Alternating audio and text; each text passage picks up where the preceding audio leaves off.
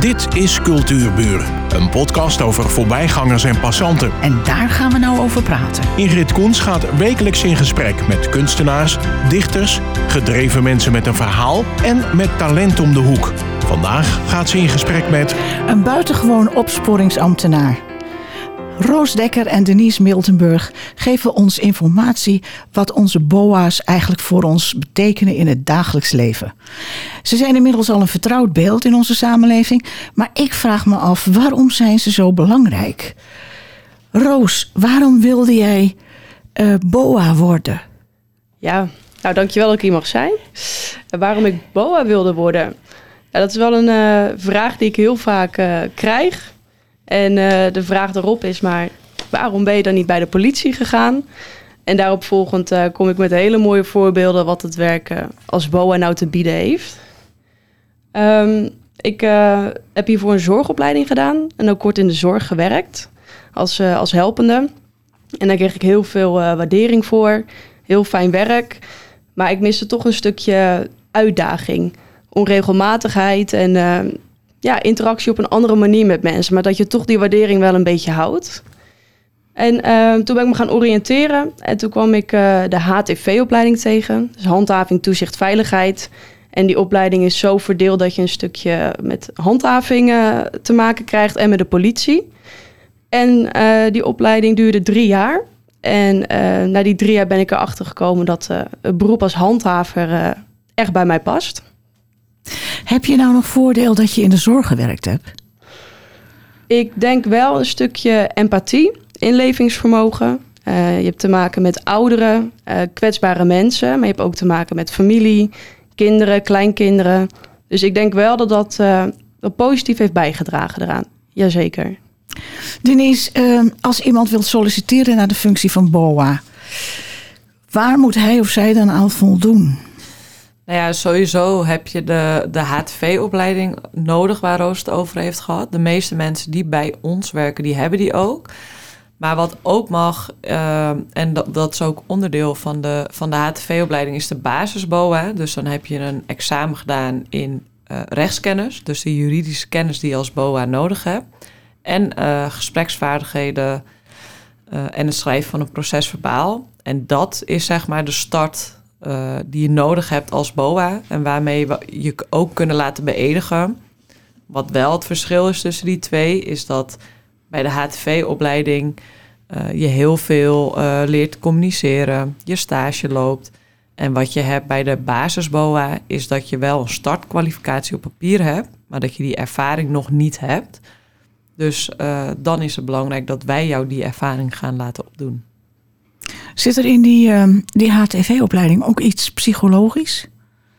Goeie vraag. Dat kunnen we aan Roos vragen, want die heeft de opleiding gedaan. Maar volgens mij eh, zit daar geen psychologisch iets in. Nee, psychologisch is natuurlijk heel breed, maar eh, er wordt wel heel veel tijd besteed aan communicatieve vaardigheden.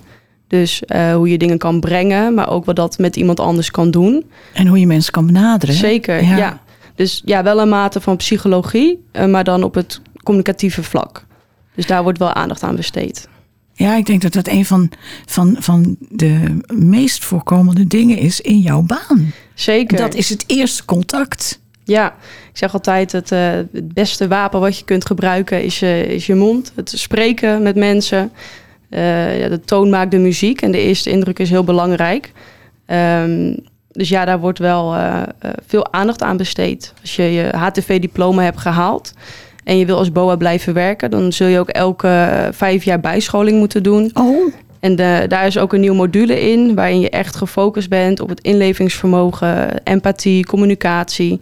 Dus dat is echt een eh, examenonderdeel geworden om BOA te mogen blijven.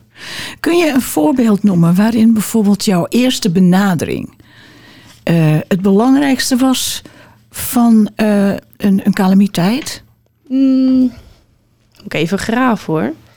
Ja, ik heb wel een, eh dat is al wel wat jaar geleden, als een eh, eenvoudige situatie. Dus een, parkeerprobleem was er, wat wel voor grote ergernis zorgde in de wijk.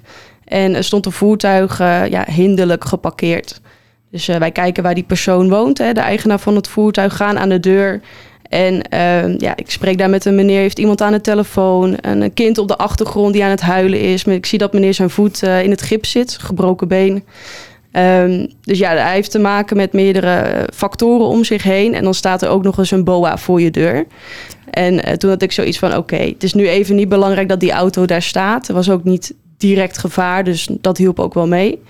Um, en dan begin je heel laagdrempelig met die meneer. Je stelt jezelf voor, um, je geeft hem even tijd om zijn kind ja, even te troosten. Telefoon kan niet rustig ophangen.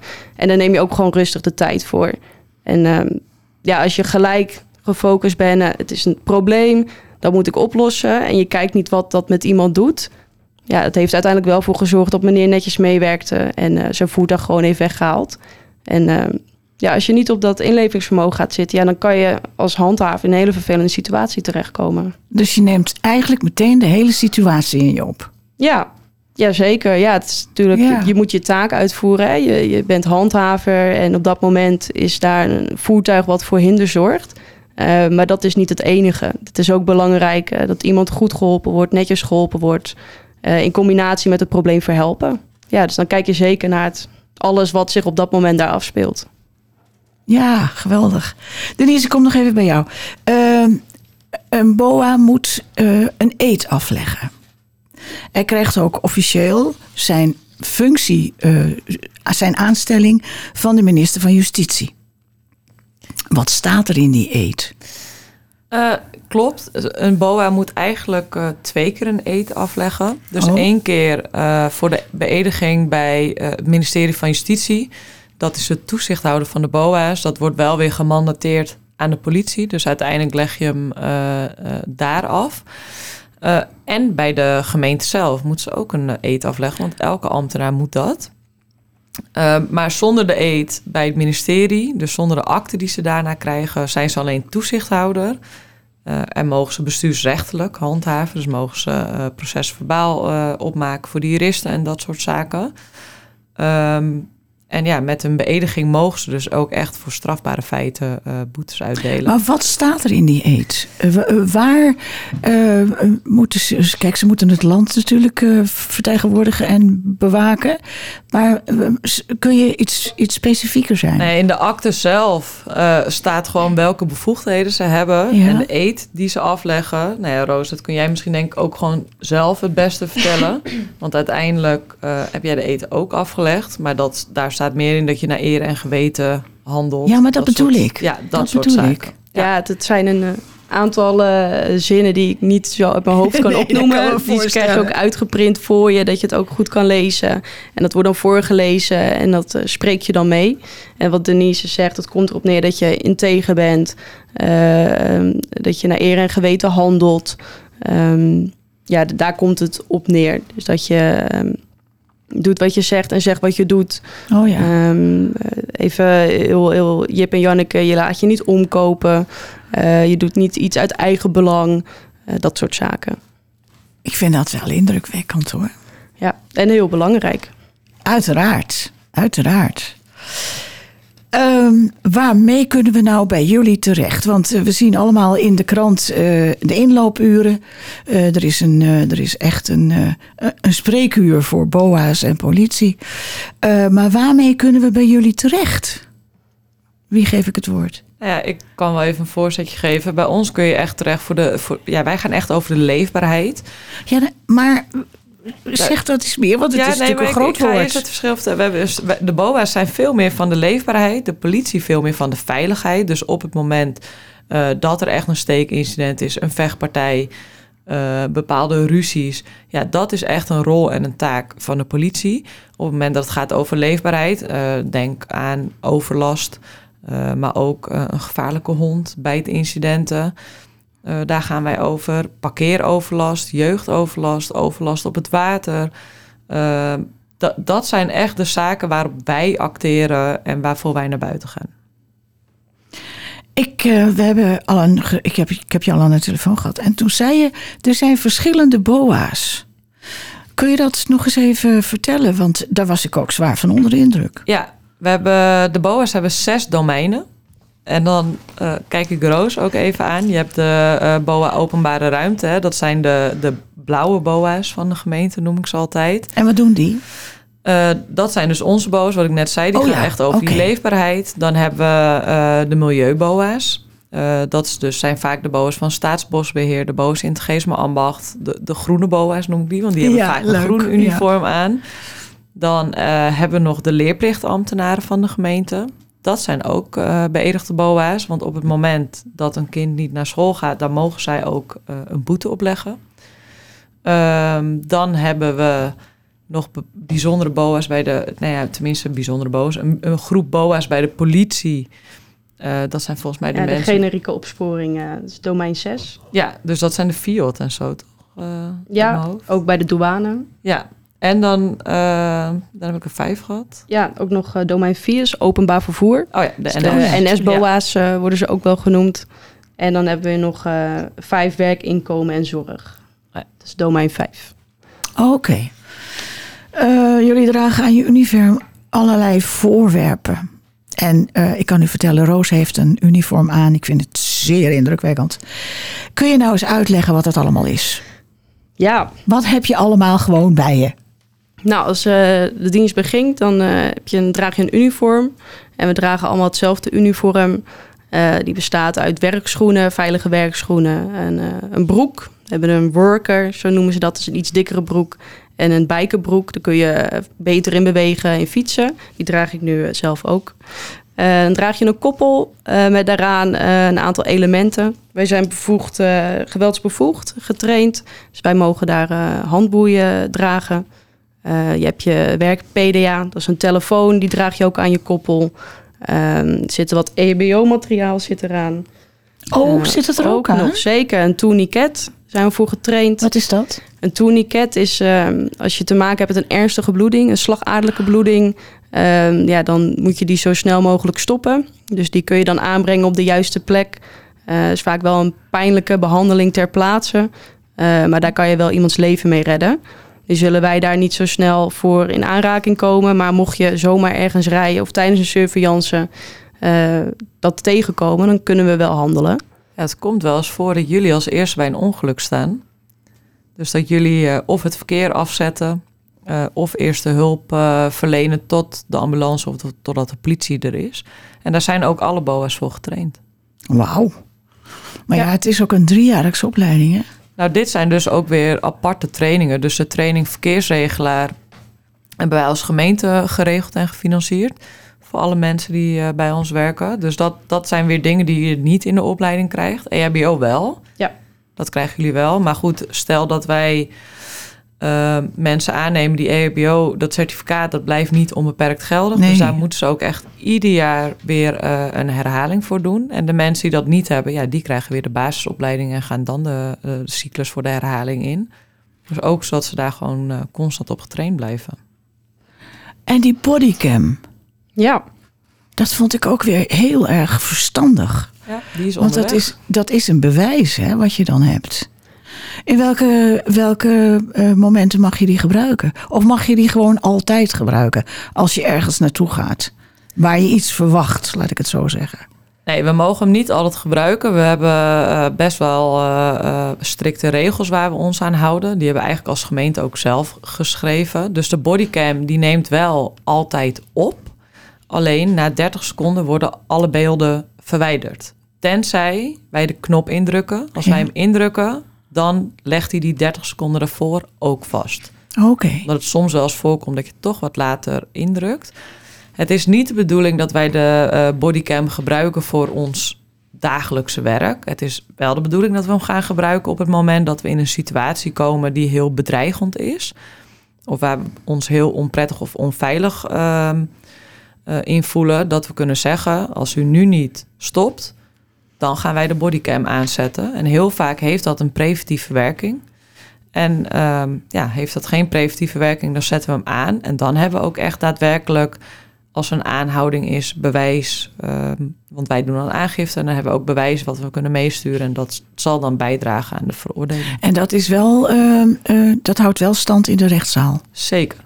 Ja, Ah. we zijn zeker niet de eerste en ook denk ik niet de laatste gemeente. En er zijn al heel wat gemeentes die eh voorlopers zijn eh, op dit gebied. Er zijn al heel wat bodycambeelden gebruikt. Ja, Ik vind het ook eh, een stuk van jullie eigen veiligheid, hè? is het ook. Het is ook echt een stukje goed werkgeverschap waarom de gemeente dat doet. Ja, en ik denk ook inderdaad dat het afschrikkend werkt. Ja. Ehm, eh, jullie zijn ook sinds kort eh, bevoegd, bevoegd om geweld toe te passen. Ehm, kun je een voorbeeld geven waarin dat eh, gewoon nodig was?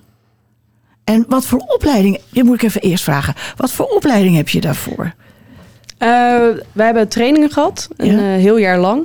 Hebben wij maandelijkse trainingen gehad in weerbaarheid, in rechtskennis, wetskennis. Wanneer mag je wel geweld gebruiken, wanneer niet? En op welke manier mag ik dat dan gebruiken? Eh, dus dan is een stukje theorie waar je op getoetst wordt, wat je moet halen. Ehm, en een stuk praktijk. Dus dan krijg je een casuïstiek. Als je eh, genoeg getraind hebt, ga je examen doen. Ehm, en dan wordt er een, een, een eh, ja, fictieve aanhouding in scène gezet. Waarbij je eerst moet slaan, stoten, verdedigen, blokkeren, weren op een stootkussen. En vervolgens ga je of met een collega of alleen ga je een aanhouding verrichten. En eh, daarbij word je ook getoetst op houding, op spreken, eh, wat voor eh, woorden je gebruikt, hoe je staat. Ehm, en als je dat ook behaald hebt, dan ben je uiteindelijk geweldsbevoegd. En dat, daar moeten wij ieder jaar op getoetst worden. Dus dan moet je elk jaar examen in doen. Ehm, en dan moet je ook slagen om je geweldsbevoegdheden te blijven houden. Heb je het al veel moeten gebruiken, Roos? Nou, ik gelukkig nog niet. Oh. Ehm, dus dat is wel fijn. Ehm, we hebben ook nog niet echt, eh, hè, we hebben nog niet zo heel lang. Dus we zijn nog niet echt in situaties terechtgekomen waarbij we geweld eh hebben hoeven gebruiken. Dus dat is eh, iets heel fijns. Ja. Maar we mogen het dus gebruiken bij aanhoudingen. Als, als wij iemand aanhouden of we willen een ID van iemand hebben en diegene wil niet meewerken, dan gaan we aanhouden. En ja, iemand stribbelt tegen, eh, dan mogen we dus iemand met dwang eh, vasthouden ja. eh, of boeien tot de politie er is. En zodat diegene veilig meegenomen kan worden naar het bureau. En dat is ook een stukje veiligheid eh, voor ons. Een stukje veiligheid voor de omstanders, maar ook voor de persoon zelf. Zijn jullie eh, altijd met z'n tweeën? Ja, ja. we zijn altijd eh, in duo's. En het kan eh, soms voorkomen dat een eh, wijkboa in gesprek gaat met iemand. Hè, als een inwoner of een, is een situatie. Eh, en dan kunnen we ervoor kiezen dat er één collega in gesprek gaat. Ook om het, eh, het beeld naar buiten eh, daar rekening mee te houden. Ehm, ik kan me voorstellen als je ergens woont en er staan twee of drie boa's eh, voor bij je deur.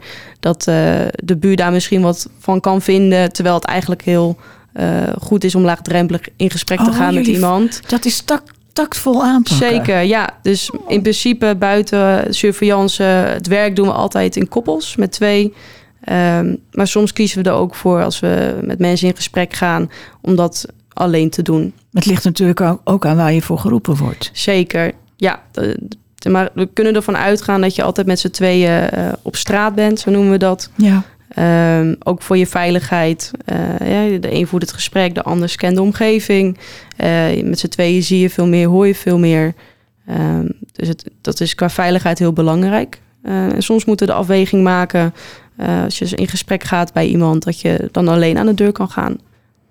Ja, ja, maar dan weet je wel, je hebt wel de backup van je collega ergens. Zeker, ja. Ja, dat Ja, en ik. we hebben, ze hebben allemaal portofoons. Dus mocht iets uit de hand lopen, dan kunnen ze hun collega's oproepen. En als er echt een noodsituatie is, kunnen ze een noodknop eh, indrukken. En dan, die komt ook gelijk binnen bij de meldkamer 112. Eh, Oké. Dus dan is ook gelijk de politie gealarmeerd. Ja. Want ehm, kun je nou eens een overzicht geven waarvoor jullie gealarmeerd worden? Ja, wij, worden, wij hebben zeg maar een ander systeem dan de politie, Ja, dan daarom, 112. Dus daarom. wij hebben, eh, bij ons ziet het er heel anders uit. Wij hebben niet zo dat inwoners eh, ons kunnen bellen of een meldkamer kunnen bellen en dat wij gelijk eh, daarop afgaan. Wij werken met fictie.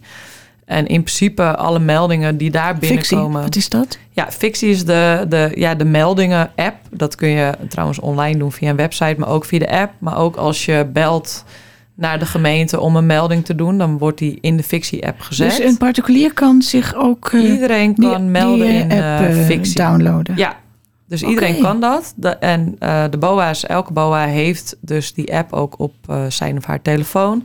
Dus we kunnen ook alle meldingen zien die er binnenkomen.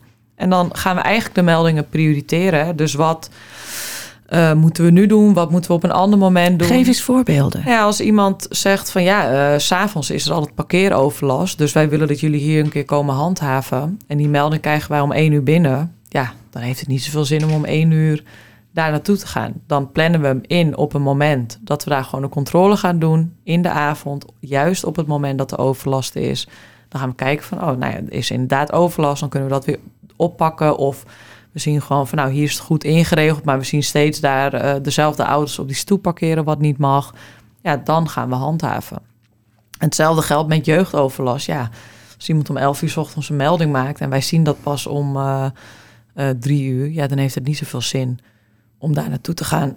dus dan plannen we dat weer in en we prioriteren. Hè. Soms ehm, is iets belangrijk en dan wordt dat eerder opgepakt dan iets waarvan we zeggen, ja, dit is wat minder belangrijk, dus dat kan even een paar dagen wachten. Dus zo gaat dat. Wat wel gebeurt is dat wij in contact staan met de meldkamer. Dus op het moment dat er een melding komt bij de politie die belangrijk is, maar ehm, waar de politie eigenlijk geen tijd voor heeft en wat wij eigenlijk heel goed kunnen doen, ja, dan zetten zij dat direct door naar ons. Dus dan gaan we wel direct op pad. Eh, maar ook als we een fictiemelding binnen zien komen van we denken, nou hier moeten we gelijk op acteren, dan doen we dat ook. Oké.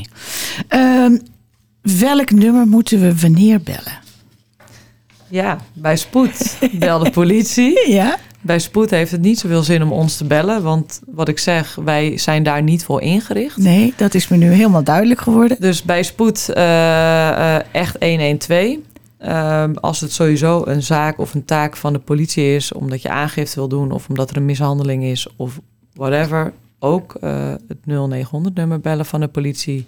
En echt alle taken voor ons of dingen die kunnen wachten, eh, die geen spoed hebben of niet urgent zijn en echt gaan ook over die leefbaarheid. Dus zoals overlast, ja, dan kan de gemeente gebeld worden eh, of nog liever een melding gemaakt worden in de fictie-app. Roos, kun je mij dat, eh, dat eh, nummer even vergeven? Of tenminste, de naam even geven van die app. Hoe moeten we die app downloaden? Ja, als je naar de Play Store gaat eh, of via je Apple, Apple Store. Ik heb zelf geen iPhone, maar eh, volgens mij kun je hem daarin vinden. Eh, typ je fictie in, dus F-I-X-I, fictie. En die kun je downloaden en dan zie je eigenlijk een stappenplan hoe je een account kunt aanmaken. Of als je liever geen account wil aanmaken en privé wil blijven, anoniem, ehm, kun je evengoed ook een melding maken. Krijg je niet altijd een terugkoppeling, maar dan kun je evengoed eh melding van iets maken. En als je naar de gemeentewebsite gaat, dus gemeentedijkenwaard.nl, en je typt bij de zoekbalk fictie in, dan krijg je ook op de gemeentewebsite een handleiding hoe je de app kan downloaden. Nou, ik vond het geweldig dat jullie er waren. Denise, bedankt. En Roos, ehm, je ziet er prachtig uit. Ik vond het leuk dat je er was en zo duidelijk hebt verteld waar het allemaal over ging. En ik wens je, moet je nog werken vandaag? Zeker, ja. Dan wens ik je een prettige dienst. Dankjewel, dat gaat zeker lukken. Ja, dankjewel. Dit was Cultuurbuur, een podcast van Ingrid Koens en Streekstad Centraal. Bedankt voor de aandacht en tot de volgende Cultuurbuur.